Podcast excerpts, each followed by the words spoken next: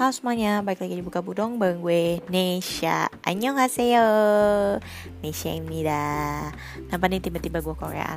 Hmm, siap banget. Karena hari ini gue gak tahu mau review buku apa. Tapi it's okay Hari ini sebenarnya ada beberapa tema yang gue mau bawain. Dan Tadinya gue mau bahas drama Korea Tapi kayaknya belum gue putuskan untuk membahas drama Korea sih karena ini gue lagi berpikir apa gue membuka satu segmen lagi untuk bahas drama Korea tapi kayaknya bukan tujuan gue akan bikin podcast ini tentang drama Korea. Kan ini podcast buku ya gak sih? Nah cuman hari ini sedikit uh, gak bertema sih sebenarnya. Gue mau bikin ini random chit yang ketiga gitu kan. Cuman uh, ini gak random random banget gue mau bahas uh, satu hal yang bikin gue mu mulai apa ya bersemangat di uh, kehidupan pandemi ini. Di mana pandemi ini kan semakin kalian tahu semakin bertambah dan sebenarnya bikin gue makin mager sih. Cuman ini salah satu hal yang bikin gue suka senyum-senyum sendiri uh, minggu atau kapan pun kalau gue lagi ngeliatin video-video ini. Tapi ini sebenarnya nggak patut dicontoh dan gue harap kalian jangan kayak gue. Cuman gue mau membagikan aja ini karena cerita ini apa ya sayang untuk gue uh, apa ya gue pendem sendiri. Gue pengen ungkapin aja gitu. Cuman bagi teman-teman yang belum pernah kayak gue gue harap kalian tidak merasakan yang kayak gue. Maksudnya nggak perlu ngalamin ini karena menurut gue ini juga bukan sesuatu yang patut dicontoh sih. Cuman gue sharing aja. Mungkin kalian pernah dengar uh, apa ya satu boy band Korea yang gue suka dan karena gue pernah bahas ini di uh, Spotify playlistnya gue yang beberapa episode lalu. Satu boy band yang gue lagi suka banget namanya Seventeen. Um, kalau kalian yang um, langsung langsung kayak aduh nggak penting banget uh, pembicaraan ini. Boleh di skip aja guys. Nggak usah didengerin. Tapi kalau kalian merasa pengen dengerin gue ngomong random banget inilah saatnya guys.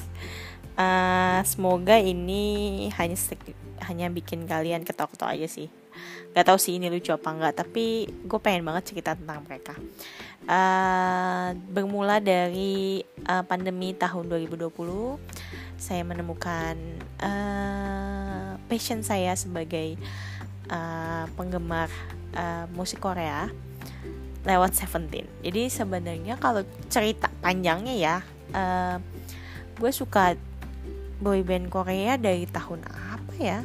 Mungkin 2010-an kali ya, 2010-an dan waktu itu uh, beneran sih waktu itu gue masih sukanya sama opa-opa sih, ya kayak Hyunjung jadi gue dulu sukanya sama SS 501 teracuni oleh teman gue. Uh, kalau kalian nggak tahu SS 501 nggak apa-apa. Ya hanya uh, apa ya? K-popers level dewa yang tahu mereka. Sebenarnya mereka saingannya Super Junior DBSK cuman waktu itu kayak uh, booming deh pokoknya SS 501 lumayan booming bareng bareng Super Junior bareng SNSD cuman waktu itu mereka langsung redup karena uh, banyak beberapa skandal dan salah satunya yang paling ini sih Hyunjung ya. Kalau kalian tahu BBF Boys Before Flower itu kan ada yang jadi aduh gue lupa nama dia di situ tapi kalau kalian tahu FC dia jadi lainnya lah di FC tapi ini versi Korea.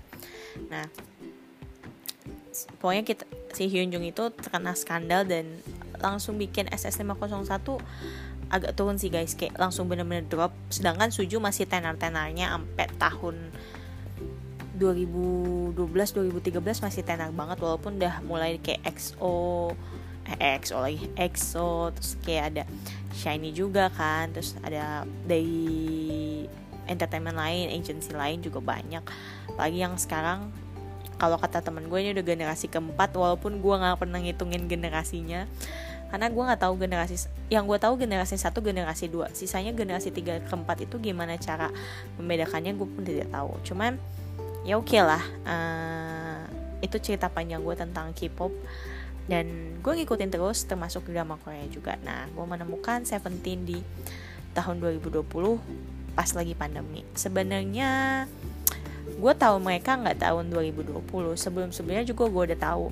Mungkin dari sekitar 2018 2019 uh, bahkan ternyata setelah gue lagi ngorek-ngorek uh, aplikasi lain gue tuh bahkan follow hmm, follow akun eh enggak deh bukan bukan follow. Bahkan gue pernah ngepost di timeline gue dedikasi untuk Seventeen. Gue juga gak ngerti itu tahun berapa gue lupa antara 2016 atau 2000 oke okay, bukan 2018an karena waktu itu Seventeen 2017 ngeluarin lagu Don't Wanna Cry Ulu Gosip Ciana and then gue tertarik banget setelah nonton mereka di Weekly Idol. Uh, mereka nari DWC Don't Wanna Cry dua kali speed. Terus kayak wow amazing. Karena mereka adalah king of synchronization. Bener gak tuh gue bacanya? Intinya uh, mereka tuh terlalu rapih banget lah nari tarinya gitu. And then berarti gue sebenarnya terpapar mereka nggak dari tahun 2020 itu. Cuman belum se oke okay, belum sesuka itulah. Karena mungkin masih ada yang menarik. Mungkin waktu 2017 itu gue masih demen kayak EXO kali ya. Gue juga nggak tahu sih gue udah lupa tentang boyband boyband itu. Atau mungkin gue lebih dengerin tentang girl band kali ya waktu itu. Gue juga nggak tahu. Nah akhirnya gue menemukan mereka di tahun 2020 mereka mau comeback waktu itu di bulan Juni tanggal 22 22 gue masih inget banget. Karena gue nulis deh kayaknya kenapa gue bisa inget mereka comeback dengan lagu Left and Right dan itu lagunya enak banget hmm, apa ya? Waktu itu bahkan gue kayak terasuki sih. Kayak ini ini ini asli sumpah. Gue nggak pernah kayak gini sama nggak pernah kayak gini sama boy band. Nggak pernah yang sampai bener-bener ngikutin nontonin MV-nya nggak pernah nggak pernah. Nggak pernah sepanjang umur gue gue nonton SS 501 aja gue kagak kagak nontonin live yang nungguin di Music Bank di uh, Inkigayo lah di mana pun nggak nggak pernah gue tungguin. Tapi baru kali ini gue ngikutin bener-bener. Waktu itu gara-gara gini saking terpaparnya lah gue dengan si Seventeen nontonin Going Seventeen. Jadi mereka punya acara variety show sendiri di YouTube. Namanya Going Seventeen terus um, gue kayak ikut ko bukan komunitas kayak ngefollow akun lain uh, fanbase gitu. Tentang Seventeen terus kayak ayo kita nonton MV-nya biar viewsnya seberapa banyak gitu kan misalnya. Udah gue ikutin tuh. Gue ikutin gue ikutin. Pokoknya waktu itu gue masih banyak komen tuh komen. Terus kan kayak katanya gini komen biar trending di Indo. Terus kayak ya udah gue ikut komen. Dan itu entah kenapa jadi satu kebiasaan. Gue kebiasaan gue dan waktu itu gue sampai apa ya gue juga bingung sih gue terasuki hantu apa terasuki arwah apa ya. Kayak uh, bener-bener gue ikutin. And then uh, mereka kayak menang berapa piala maksudnya menang berapa empat empat empat piala deh kayaknya di musik show gitu. Terus uh, ngikutin comeback Jepangnya. Kemudian ada comeback Jepangnya di bulan Agustus judulnya 24 Hour. Terus comeback lagi. Ini kan Seventeen sih parah. Saking nggak tahu ya karena pandemi nggak bisa ngapa-ngapain kali. Maksudnya nggak bisa konser nggak bisa ngapa-ngapain. Jadi kan mereka produce terus kan produksi terus gitu. Mereka comeback lagi di bulan Oktober deh kalau nggak salah. Oktober dengan Home Run. Bayangin mereka comeback dalam cuman waktu 4 bulan. Comeback Korea terus mereka comeback Jepang lagi di di bulan gue lupa antara Februari atau Maret atau Januari ya gue lupa. Pokoknya tahun ini lah 2021 dengan Hitori Janai. Dan mereka comeback lagi di bulan Juni ini jadi kemarin dengan judul lagu Ready to Love. Nah yang gue perhatiin sih trennya nih dari left and right ke home run dan akhirnya ke ready, to love. Mulai turun nih kayak mungkin entah uh, gue nggak tahu kenapa mereka turun tapi uh, dari segi viewsnya itu turun menurun gitu loh. Kayak trennya menurun. Jadi dari left and right tuh paling hit banget hype banget. Terus home run turun tapi masih oke. Okay. dan ready to love lumayan signifikan sih turunnya. Sampai banyak yang komen oh, karat males. Ah, karat itu nama fansnya Seventeen. Karat males streaming lah apa segala macam. Gue kayak kenapa pada ngejudge gitu ya? Ya lu kalau mau streaming streaming aja nggak usah ngomelin orang yang nggak mau streaming gitu kan. Nah terus gue merasa ya udahlah oke okay, cuman begini pas comeback aja waktu itu ya kayak ngerasa udahlah gue gini aja pas comeback aja pas comeback ada tuh live and oke okay, emang waktu itu gue juga lagi senggang jadi ya gue ikutin. Terus pas uh, comeback Jepang masih gue ikutin comeback home kan juga gue masih ikutin. Sampai gue di akhir tahun gue vote buat uh, mama Mnet Asian Music Award gue vote tiap hari buat Seventeen even dia nggak menang karena nggak bisa lawan BTS yang begitu besar fanbase nya and then gue masih kayak ya oke okay, oke okay, gue gue akan berhenti lah kayak gini. Gue yakin ini hanya akan sementara gitu loh kayak gue nggak akan terus-terusan suka sama Seventeen kayak gitu lah. Ada masanya kayak waktu gue waktu tergila-gila sama SS 501 uh, ya gue pikir eh, Seventeen akan selesai lah dalam waktu ya paling setahun dua tahun karena emang gue orangnya agak bosenan. Terus pas comeback Ready to Love gue udah ngerasa nih gue nggak boleh nggak boleh kayak waktu gue left and right. Nggak boleh nggak boleh. Gue harus ngurangin. Oke okay lah gue sekali nonton tapi gue nggak boleh pantengin YouTube buat nontonin si Seventeen ini. Oke okay, gue mulai ngurangin dan and then dalam waktu satu minggu gue berhasil mengurangi secara drastis ya.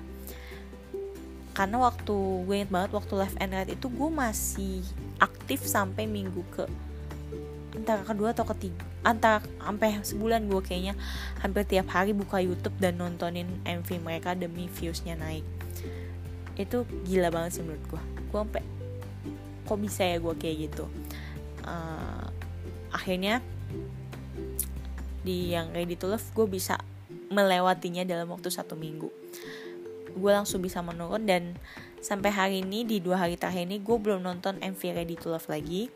Cuman gue masih nontonin kayak apa sih konten-kontennya. Jadi Seventeen suka ngeluarin video baru setiap hari lah. Gitu. Oke gue nonton. Kan itu juga cuma nonton sekali abis abis kan. Jadi gue ngerasa oke okay, gue harus bisa gue harus bisa uh, apa ya nggak mau terikat lagi gitu loh sama Seventeen. Jadi gue mau rasa suka gue sama Seventeen tuh normal aja kayak rasa gue suka gue sama misalnya nonton Korea. Biasa aja. Jangan sampai gue tergila-gila yang sampai uh Seventeen tuh setiap hari. Itu gue nggak mau. Kayak gue sadar lah hidup gue bukan untuk Seventeen. Dan gue sih nggak pernah saya nggak pernah berharap hmm, maksudnya orang pada tobat atau gue juga nggak ngarepin tapi gue berharap diri gue sih. Diri gue yang tobat. Uh, mengenai ini. Tapi satu hal sih yang gue mau cerita.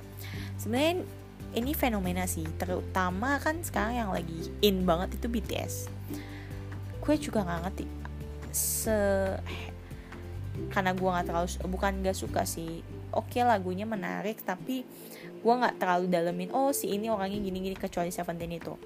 Dan waktu gue dengar berita yang BTS meal yang di McD terus gue kayak wah gila sih Indonesia nih bisa hits bang.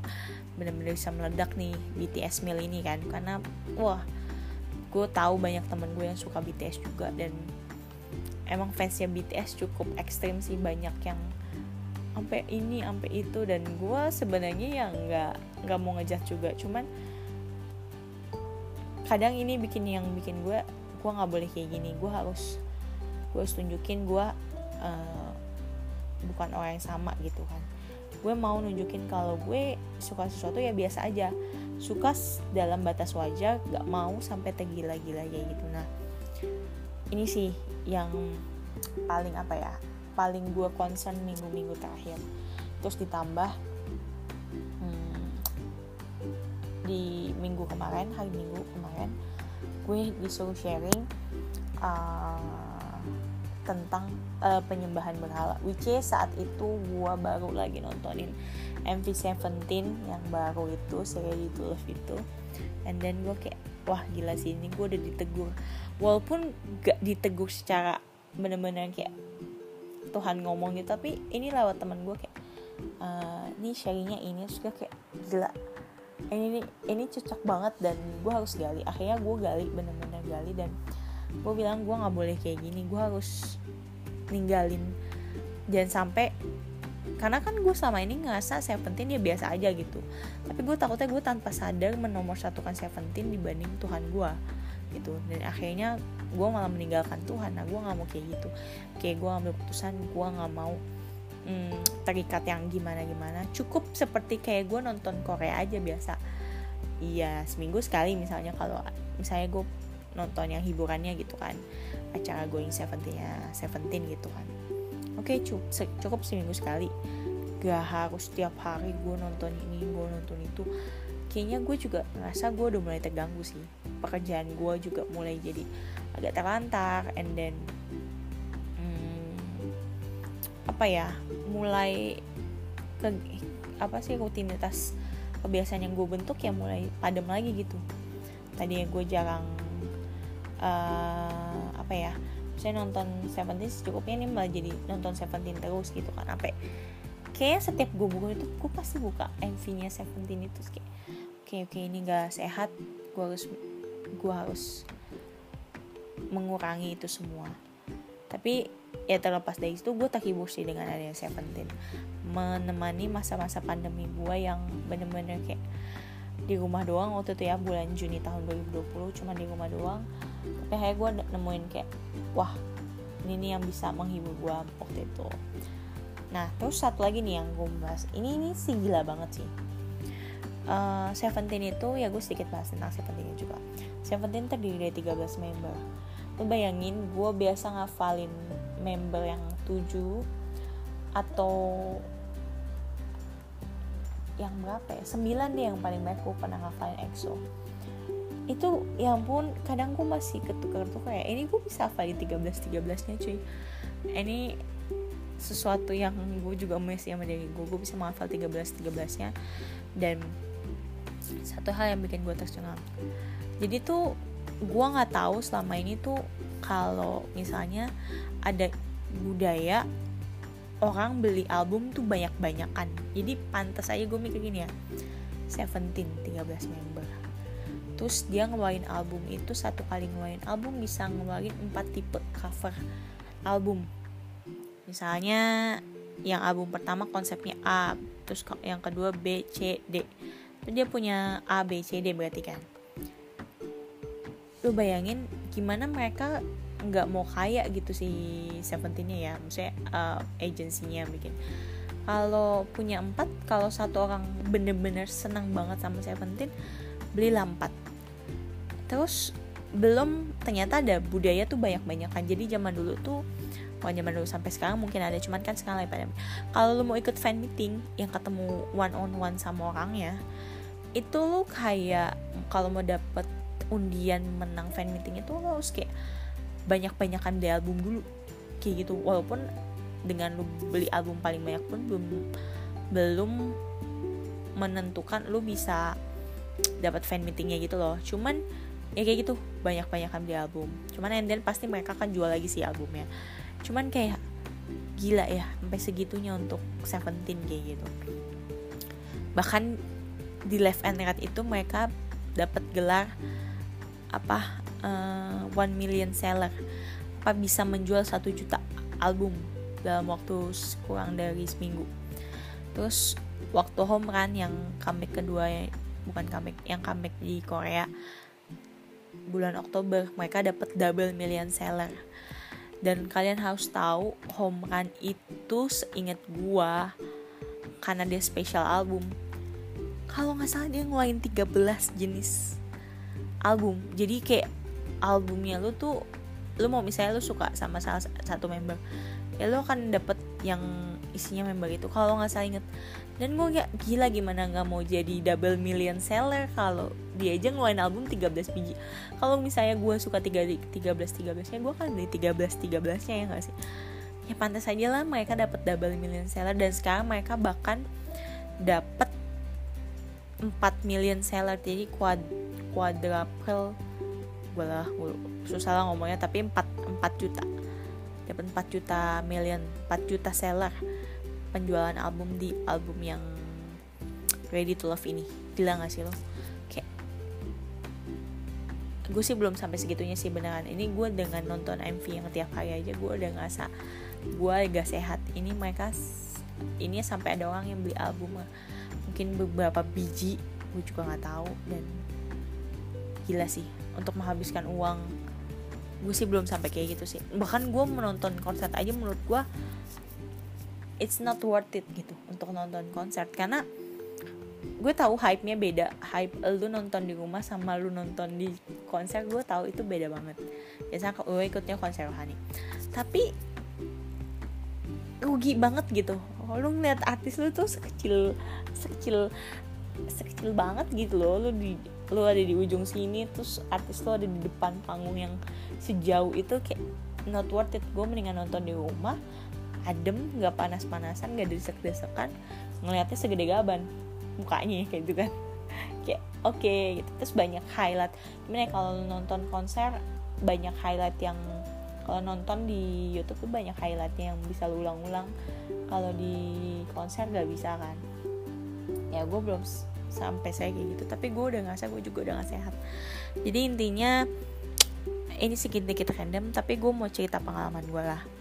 Pengalaman yang jangan dicontoh dan gue harap kalian nggak kayak gue juga.